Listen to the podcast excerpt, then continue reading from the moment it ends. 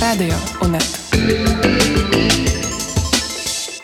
незалежны фонд медычнай салідарнасці дагэтуль дапамагаем беларускім медыкам якіх рэжым працягвае рэпрэсаваць. З пачаткам войны да гэтай асноўнай дзейнасці далучылася дапамога украіне.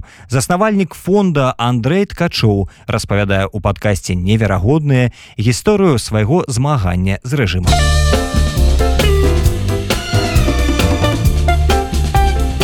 неверагодныя Меня зовут Андрей Ткачев, и я координатор и кофаундер фонда медицинской солидарности Беларуси. А до этого в 2020 году я был также с основателем э, довольно такой известной инициативы Buy COVID-19.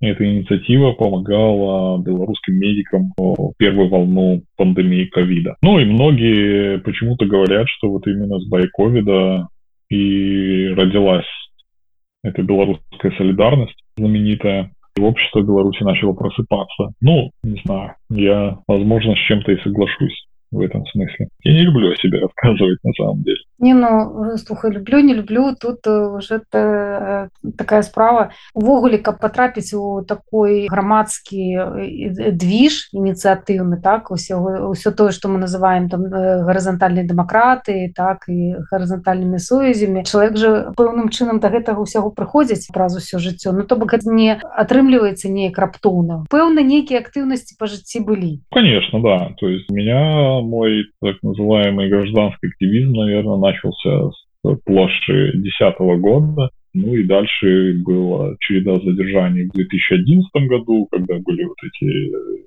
акции молчаливые, которые зарождались как флешмобы. Ну, переросли дальше акции, так скажем, гражданского неповиновения. Не назвал, что это были прям такие супер какие-то серьезные протесты. В тот момент экономика Беларуси была очень-очень в плачевном состоянии, ну, в котором она и сейчас на самом деле находится. И вот э, тогда пошла такая волна гражданского неповиновения. Очень много людей, далеких абсолютно от политики, в эту движуху вовлеклись. Ну и, соответственно, каточек репрессий по нему прошелся. Ну, по мне в том числе, но я довольно легко отделался, на мне не было уголовных статей, я там отсидел на несколько раз по административкам и вышел. Ну и дальше, я не знаю, то, то что случилось для меня, оно, наверное, как-то естественно, потому что в той ситуации, учитывая те события, которые происходили в моей стране, оставаться в стороне, оставаться равнодушным, ну, просто не представлялось возможности. Поэтому я, наоборот, себя, наверное, корю за то, что я сделал где-то недостаточно, где-то, может быть, э, слишком осторожно поступал. Поэтому, ну, все относительно, все относительно. Ну, видишь, вот есть люди, которые сидят, посчастливилось вовремя уехать. Мне своевременно подали сигналы о том, что лучше все-таки съездить на какое-то время отдохнуть куда-то, выехать хотя бы из страны. И я вот выехал из Беларуси 20 5 августа 2020 года вылетел в Киев, и тогда я думал, что это на, на неделю, на две максимум. Как-то эти две недели растянулись на два года, и до сих пор непонятно, когда мы все вернемся домой. Скажи увесь ось гэты варушняк з ковідам насколькі просто было аб'яднаць вакол сябе людзей? То у гэты момант людзі адчувалі? Чым яны былі матываваныя як яны ўвогуле ставіліся да такой магчымасці абсалютна самастойна без удзелу дзяржавы там ці без нейкіх там загадаў вырашаць па сутнасці дзяржаўныя пытанні праблемы Ну да, это была действительно абсолютно уникальная ситуация, когда удалось абсолютно как-то стихийно объединить в себе волонтеров, бизнесы, инициативных людей, журналистов, спортсменов, айтишников, вообще всех сказать, представителей гражданского общества в какую-то одну организацию, которая очень четко, слаженно, быстро организовалась как будто бы из воздуха, из ниоткуда. Нам это удалось, наверное, буквально за две недели наладить там все эти процессы, потому что в какой-то момент, ну, оказалось большое количество классных, небезразличных инициативных людей вместе, и вот как-то оно так как снежный ком образовалось, потому что все началось на самом деле там с постиков в соцсетях и призыва помощь при отдельных врачей отдельных больниц ну стоило там условно говоря сделать пост в инстаграме запустить сторис там сделать э, скрижак в фейсбуке это сделал.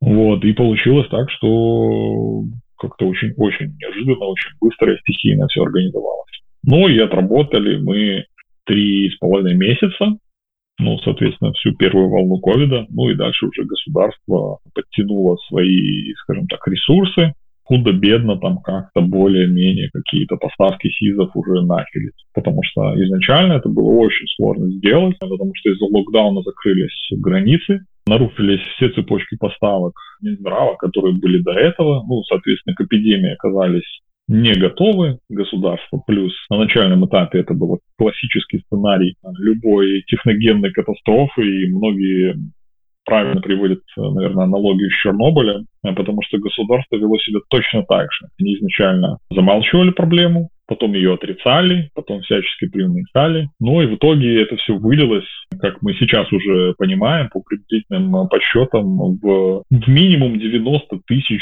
э, избыточных смертей в Беларуси от ковида.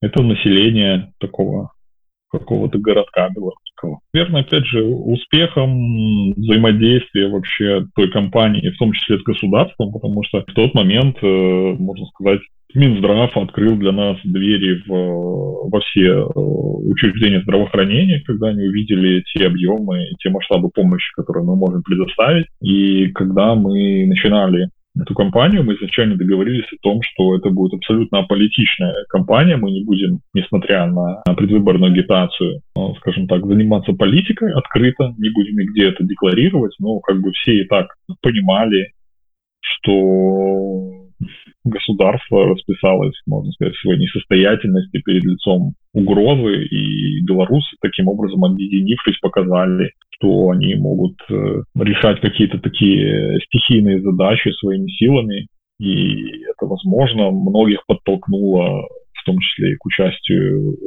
в э, предвыборной кампании там, Светланы Тихановской и в последующих протестах.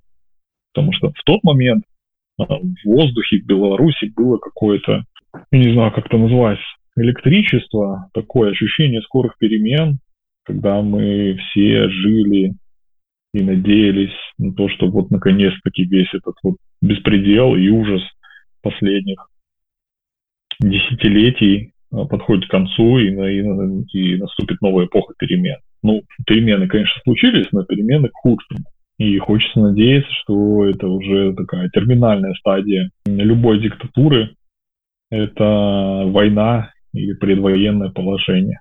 А вось як ты э, ставіўся да прэзідэнцкай кампаніі і да той хвалі грамадскага ўдзелу які на, на той момант э, была з улікам таго досведу што ў тебе быў негатыўнага досведу што быў на момант плошчы Ну да, конечно, у всех было очень сильное вдохновение, потому что такого количества вовлеченных в политику ярких, классных людей не было еще никогда. Потому что всегда же до этого политика это был удел, ну, а, скажем так, государство хотело так сделать, чтобы политика это был удел там каких-то отдельных э, людей, не имевших э, большой поддержки общества.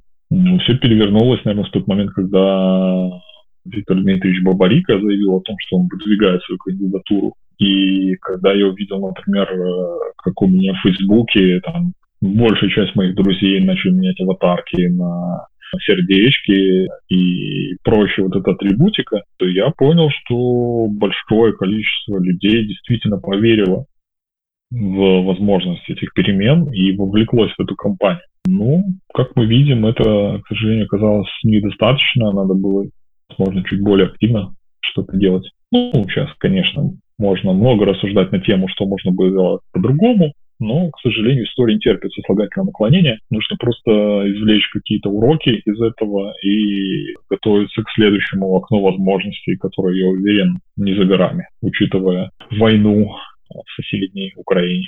Беларускія медыкі. З аднаго боку гэта такая пасіянарная частка грамадства ну тому что гэта людзі з высокай адукацыяй з прафесій ну якая ўсё-таки накладае такі адбітак і гэтыя людзі ну грамадскі актыўныя просто просто хаця б таму што яны заўсёды стасуюцца з людзьмі. Скажи калі ласка як тебе падаецца тыя э, медыкі беларускія якія засталіся па-за палітыкай альбо якія падтрымалі ўладу гэта ну насамрэч такая ідэалагічная любоў альбо просто ну такие ну вырашэнне побытовых проблемаў можно ответить наверное так что медики это такой очень показательный срез общества белорусского там есть очень также хорошие люди плохие люди и люди там, с высоким образованием и, и интеллектом и с низким интеллектом Поэтому говорить о том, что вот медики это вот прям только хорошие или только плохие люди, ну, это как минимум некорректно. А, но не нужно забывать, что это бюджетники. То есть они целиком и полностью зависят от государства. И а, для того, чтобы получить, например, лицензию даже частному медцентру и устроить туда врача, все равно любое согласование и назначение врача будет происходить через Минздрав. То есть мы с этим столкнулись, когда начали заниматься помощью репрессированным медикам, и когда их еще выгоняли, увольняли из государственных больниц, и отдельные частные медцентры их э, брали себе на работу. Все равно все согласование происходило через Минздрав. Э, и фактически, имея такой рычаг давления, ты на какой-то слой населения, ты можешь им э, помыкать, как тебе будет удобно.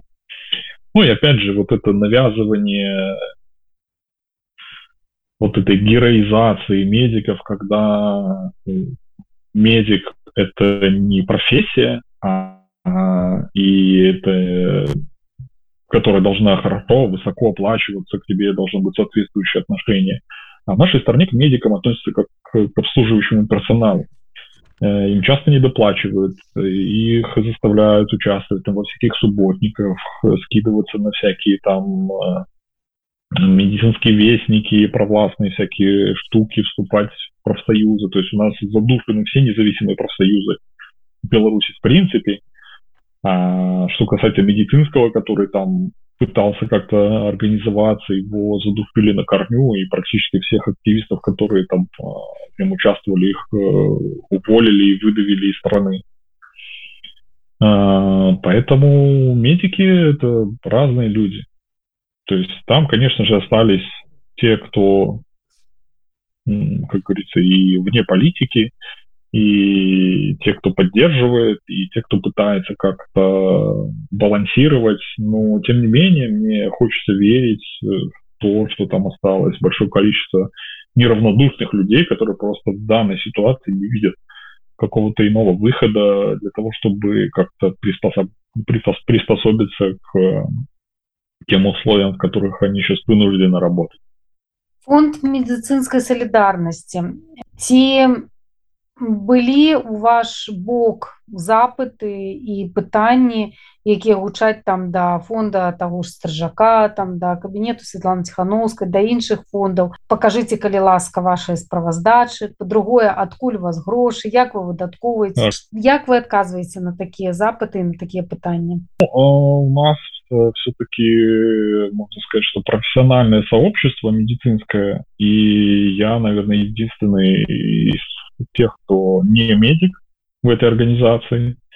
А, и поэтому там не возникает никаких вопросов у медиков относительно того, кто кому помогает. И в этом и наше очень большое преимущество, что мы любого медика можем верифицировать через там два рукопожатия условно. И это медицинское сообщество, оно такое довольно, с одной стороны, оно может быть каким-то ригидным, неповоротливым и тяжелым на подъем, но с другой стороны, это, оно довольно небольшое.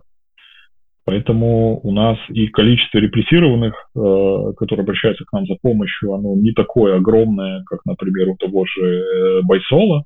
Соответственно, и э, возможных э, манипуляций, там, мошенничеств э, со стороны людей, которые просят о помощи, как, например, происходило в Байсоле там, в первые несколько месяцев работы, у нас их практически не было. А если и пытались люди обратиться за помощью, не будучи медиками, мы их довольно быстро вычисляли.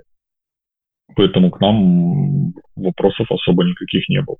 То есть у нас все, все, все открыто, прозрачно, насколько это может быть там в целях безопасности. Мы, конечно же, не публикуем данные тех, кто к нам обратился, и мы стараемся максимально сохранить э, безопасность э, всех сторон, вообще всех участников этого процесса. С пачаткам войны ва ўкраіне фонд медыцынскай салідарнасці пачаў дапамагаць таксама украінцам распавядзі калі ласка вось пра гэты новый напрамак вашей работы Ну да, начнем с того, что мы организация зарегистрирована в Украине, и практически год до начала войны я жил в Киеве, и Украина это была та страна, в которую репрессированные медики приезжали, наверное, в первую очередь. И часть из них э, устраивалась там даже на работу довольно успешно, потому что там отсутствует вот этот языковой барьер, знание, необходимость знания языка, как в той же Польше или в других странах Евросоюза, куда сейчас едут медики. И в Украине было, наверное, самое большое медицинское белорусское комьюнити.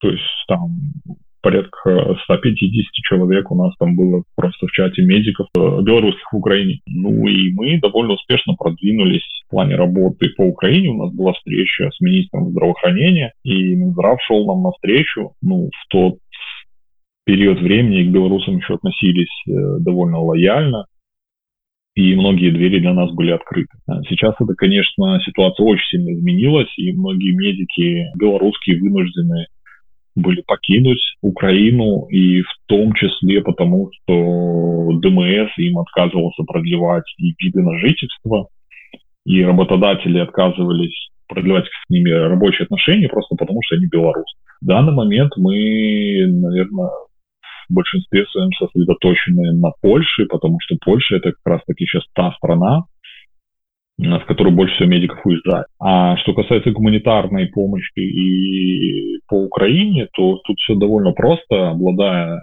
там какими-то а, менеджерскими навыками и связями в этом сообществе. Тут было не так сложно найти нужные ниточки, за которые подергать и запросить эту гуманитарную помощь и заменеджерить ее доставку в Украину. И мы продолжаем это делать до сих пор. Не делаем какого-то отдельного сбора на помощь Украине, а, за исключением, наверное, пожалуй, одного партнерского проекта с белорусами Италии и с, с Вином. Там мы объединили усилия и сделали сбор и осуществили закупку 43 вак-аппаратов. Это аппараты для вакуумной очистки ран, если по-простому объяснить. И в данный момент э, мы совместно делаем, опять же, этот сбор на расходники э, к этим ВАК-аппаратам. Вот, что касается гуманитарной помощи. Но так у нас, да, в начале войны все довольно охотно и европейские организации выделяли гуманитарную помощь, и даже это было в большинстве случаев бесплатно. И нам удавалось и бесплатно это все доставлять, и развозить по больницам. И опять же, как я уже сказал, э, что это такое довольно специфическая помощь Э, медикаменты, и нам удавалось это доставлять именно туда, куда это было необходимо, потому что мы знали, э, там, условно говоря, там тех врачей и тех глав врачей, в чьи больницы мы привозим эти медикаменты беларускія медыкі якія з'ехалі з краіны хтосьці там два гады таму хтосьці год таму у такім ну можа там не ў абсалютных лічбах але вось прыкладна сколькіх з іх атрымалася застацца у прафесіі Ну мы к сожалению не обладаем всеми данными статистическими по уехавшим медикам опять же к нам далеко не все обращаются за помощью э, в первую очередь потому что медики э, привыкли, возможно, сами как-то справляться со своими э, задачами и со своими сложностями. Ну и мы не такая большая организация, которая даже теоретически может охватить и помочь всем. То есть мы видим только одну маленькую вершину айсберга э, той медицинской э, иммиграции, которая происходила и происходит все большими и большими темпами. Мы сейчас видим огромный дефицит Э, и все нарастающий дефицит медицинских кадров. И все последние два года, вместо того, чтобы э, каким-то образом стимулировать э, самых высококлассных специалистов не уезжать из страны, государство делает все ровным счетом наоборот. Оно продолжает репрессировать медиков. То есть мы практически каждую неделю или там каждые 2-3 дня мы видим новости о задержании какого-то очередного медика или о каком-то приговоре. К сожалению, э, мы видим ситуацию, когда здравоохранение Беларуси вот, вот просто ждет какой-то коллапс. Там и так уже оно дышит на ладом, потому что ну, действительно уезжают лучшие из профессии. То есть могу привести пример даже тоже дело травматологов, ортопедов, когда просто за один день вырубили вообще целую отрасль в стране, остановились все вообще операции, и до сих пор, ну, естественно, эту отрасль не восстановили, потому что многие а те, кто вышел, они вынуждены были уехать, потому что они понимают, что рано или поздно за ними могут прийти, их в не оставят. И ну, высококлассные специалисты, которые могут применить себя в любой стране, они всегда найдут выход, всегда найдут работу. Сейчас есть, на самом деле, большой запрос от медиков на переквалификацию в IT, потому что ну, все хотят в айтишку, это довольно такая быстро развивающаяся, высокооплачиваемая сфера. А, ну, я думаю, что человек э, с мозгами, человек с руками всегда найдет для себя применить, и даже если, например, ты работал классным врачом в Беларуси, но получал при этом копейки, то переехав в какую-то европейскую страну и даже сменив профессию, э, на какую-то менее высококвалифицированную, ты будешь получать в разы больше. На самом деле очень печально, потому что в моем понимании врач это должна быть вообще самая высокооплачиваемая профессия, потому что эти люди ну, каждый день фактически спасают жизни других людей. Ну и так и происходит в других развитых странах. В Беларуси, к сожалению, отношение к врачам, мягко говоря, оставляет желать лучше. Ці планаваў ты, ці марыў ты? Вось гэты момант калі будзе магчымасць павярнуцца ў Беларусь адбудуцца там змены дзе і як ты бачыш сабе у новой Беларусі і чым бы ты хацеў займацца? Очень интересный вопрос. Ну я не знаю первый месяц по возвращению ну тут нужно понимать в какую страну мы вернемся и после чего строить сейчас планы и говорить о том что вот мы займемся, например, реформой здравоохранения, что абсолютно э, необходимо и нужно провести в кратчайшие сроки будет. Говорить об этом сейчас довольно сложно, потому что мы не понимаем, в какую страну мы вернемся, в каком состоянии будет это здравоохранение. Может, его вообще не будет.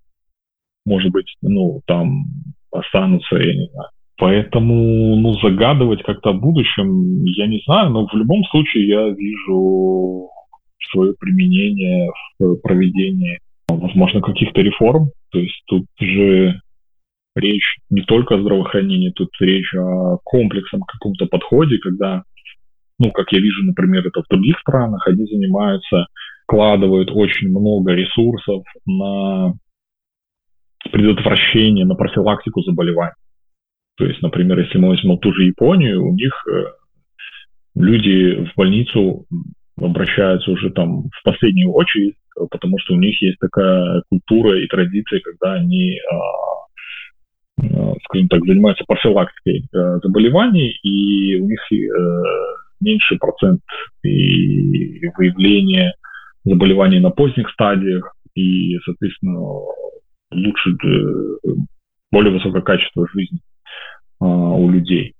Поэтому, ну, сфер будет более чем достаточно, в которых возможно будет э, применить свои какие-то менеджерские навыки, которые не удалось приобрести за эти э, два с лишним года. Поэтому я пока полон энтузиазма и надежд на то, что по возвращении нам удастся действительно построить как говорится, страну для жизни, ту Беларусь будущего, в которую мы все стремимся, о которой мы все мечтаем, и за которую мы все боремся прямо сейчас.